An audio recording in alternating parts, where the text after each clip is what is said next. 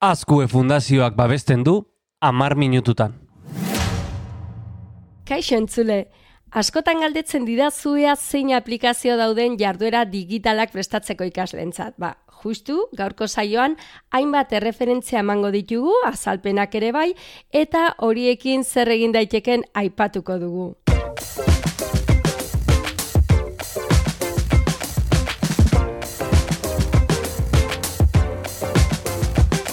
Maite goni naiz eta hau amar minututan da.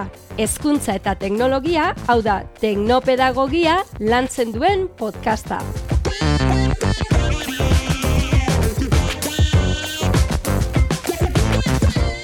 Kaixo, hier, hemen jarraitzen dugu. Hemen, hemen gaude eh, konektatuta ari baten bitartez, ez? Eh, eta, eta geure estudio dinamiko honetan. Esango nuke, esango nuke. Entzulia jakingo balu nola grabatzen dugun saio hau, baina zoragarria da egizateko, eh? E, lan egiteko modu hau. Okerrago bueno, ba... egin izan dugu, e, behin edo behin garaje batean kotxe barruan sartuta bai, eta jende bai, ez da konturatu. Bai, e, alaxe da, ze, ekipoa oso zona daukagu, beraz ez dago arazorik ez, edo zein tokitan, edo zein unetan grabatzeko. Baina, gozen arira. Badakizu azken egunotan entzuten, bueno, entzuten ari garenarekin ematen du Ez zalantzan dagoela nola izango da ikasturte hasiera. E, iraiek hori nola antolatuko dugun eta badirudi boleto asko ditugula etxetik ikasteko lanean. Mm. Hori horrela da. Ba, e, egun hauetan edo azken saio hauetan hoien inguruan ari gera, ez? Ba, plataformak, besteak, estrategiak, denetarik landu dugu. Ba, gaur, nik uste oso interesgarria izango dela landu behar dugun gaia. Eta da, jarduera interaktiboak, hau da, ariketak egiteko, ulermen ariketak eta bestelakoak, jolas modukoak edo joko antzekoak, egitekoak, ba, e, ze plataforma dauden sortzeko lako jarduerak.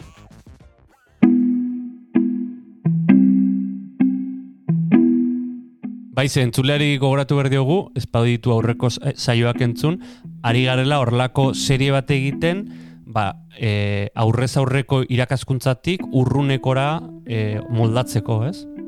Hori da, hori da, eta bide horretan, e, bidaia horretan, ba, nik uste dut hasiera-hasierako pasoutik edo urratxetik aipatu dugula ez nola sortu, nola hautatu plataforma bat, zer izan behar dugun kontuan, eta gero en nola di, sekuentzia didaktikoak nola ipini ikasleen eskura, orduan gai sakon-sakonak e, aipatu ditugu ez, gero gai e, une sinkrono hietan aurrez aurre gaudenean, baino modu online modalitatean gaudenean, ba nola aritu, nola egin, nola lortu ikasleen partaidetza, hori dena aipatu dugu, ba, gaurko honetan aipatuko du ditugu, ba, gertatu da, mm, itxialdi honetan adibidez ikasle, irakaslek eskatzea e ikaslei jarduera batzuk e, egitea. Baino PDF, ez, PDF formatuan bidaltzea, ez digitalizatuta, eta orduan ikasleek jetxi behar izan dute imprimatu, argazki atera, bueltan eman, irakaslei, bueno, e, hori ba, badaude moduak egiteko jarduerak, ba, modu digitalizatuagoan, ezta? Ba, horietako programa, aplikazio batzuk aipatuko ditugu, ba, zeinetan modu nahiko errazean gauza jakintza edo kompetentzia digital e, gehiagirik gabe, ba, egin sortu litzezken horrelako jarduerak. Gustuko duzu gai hau, ja? Bai, bai, bai, gustuko du gaia, eta jakizu nire e, Luis Txok sortu zuen PDF-ren aurkako plataformakoa naizela. bai, badakit, bai, Luitxo gerra horretan da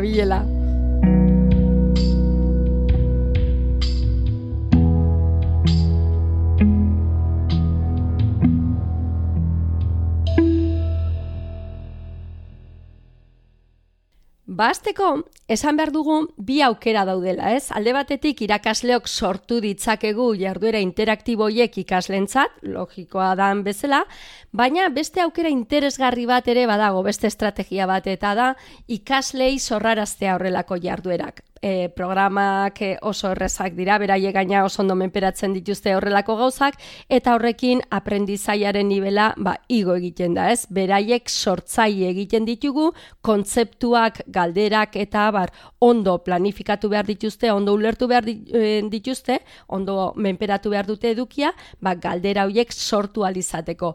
Orduan, ba, eskala horretan, aprendizaiaren ziklo horretan, igotzen dugu nivel bat edo bi nivel igotzen ditugu. Interesgarria.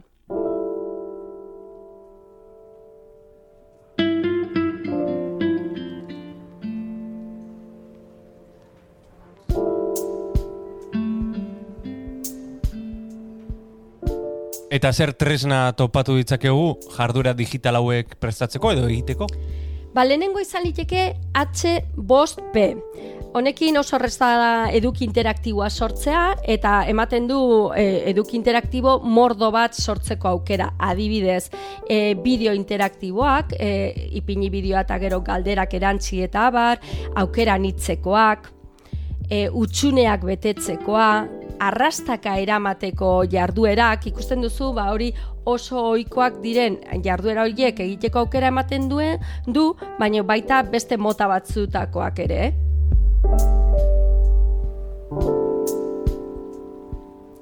Adibidez, e, ba, puntu bat jarri eta puntuak identifikatu, ez? E, adibidez, gorputza talekin nahi balin bagia gorputza talak lantzen, ba, irudie batean puntu ezberdina jarri, beste alde batetik hitzak eta ba, identifikatu atal hori. Edo memoria jokoak e, laukitxoetan eskutuan jartzea eta identifikatzea bikoteak eta horrelako e, jarduera mordo bat egiteko aukera ematen du oso modu errazean. Esan behar dugu, E, modurik onena dela hau erabiltzeko gure ba, an, e, ikate arduradunaren gana jotzea edo eskolako e, ba, zerbitzu teknikoen gana eta esateko gure Moodle plataforman edo gure LMS-ean edo zein delarik ere denatarako ematen du aukera ba, han bertan txertatzeko. Ze horrela egiten bali dugu izango dugu aukera ba, ikasten jarraipena egiteko erantzun dutena eta bueno, gainera beste integrazio motza batzuk ere baditu, ordun ikusten dut aukerarik egokiena izango litzatekela hori xebea, integratzea gure LMS horretan, Moodleen eta abar, eta hortik ba, jarduerak e, sortzen hastea edo ikaslei e, esatea jarduerak beraiek sortitzaten. Elbidea da hbostp.org hbostp.org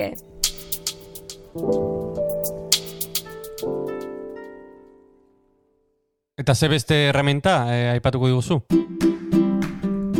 Ba, bigarrena Educaplay izango itzateke idatzita Educaplay norbaiten nahi balin badu topatu.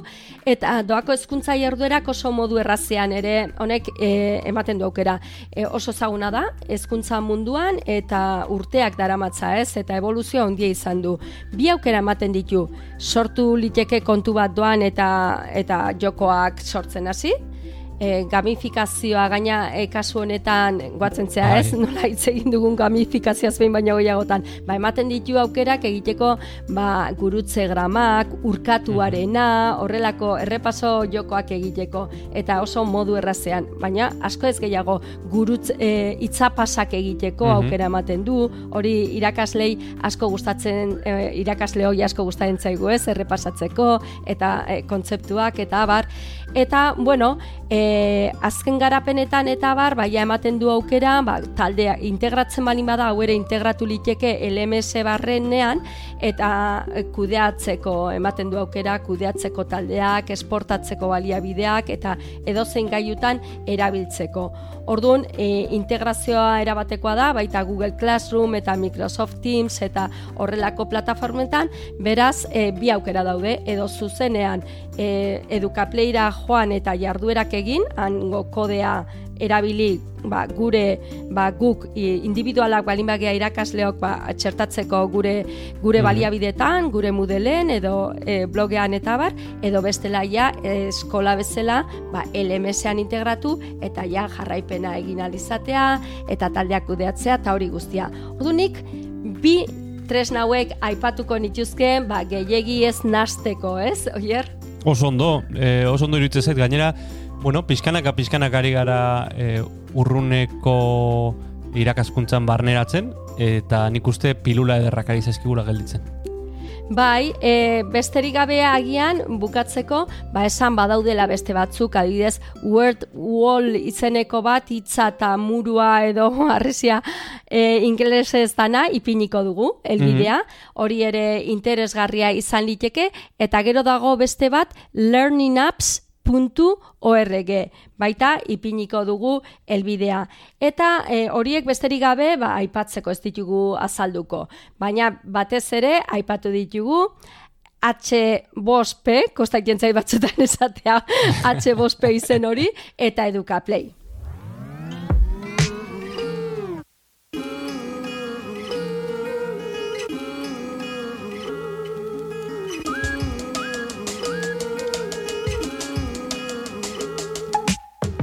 Bueno, hier, ba, izan da gaurkoz guztia. E, espero dugu, baliagarria izatea, pilulatxo txikian, baina eduki interesgarriarekin. Dudari gabe, eta gogoratuko dugu, amar minututan, e, bai, zare sozialetan, bat ez Twitterren, abildua amar minututan e, elbidean, eta audio plataforma guztietan topatu dezakezuela. Gainera, arpietuz gero, inork baino lehen jasoko duzue egiten dugun edukia.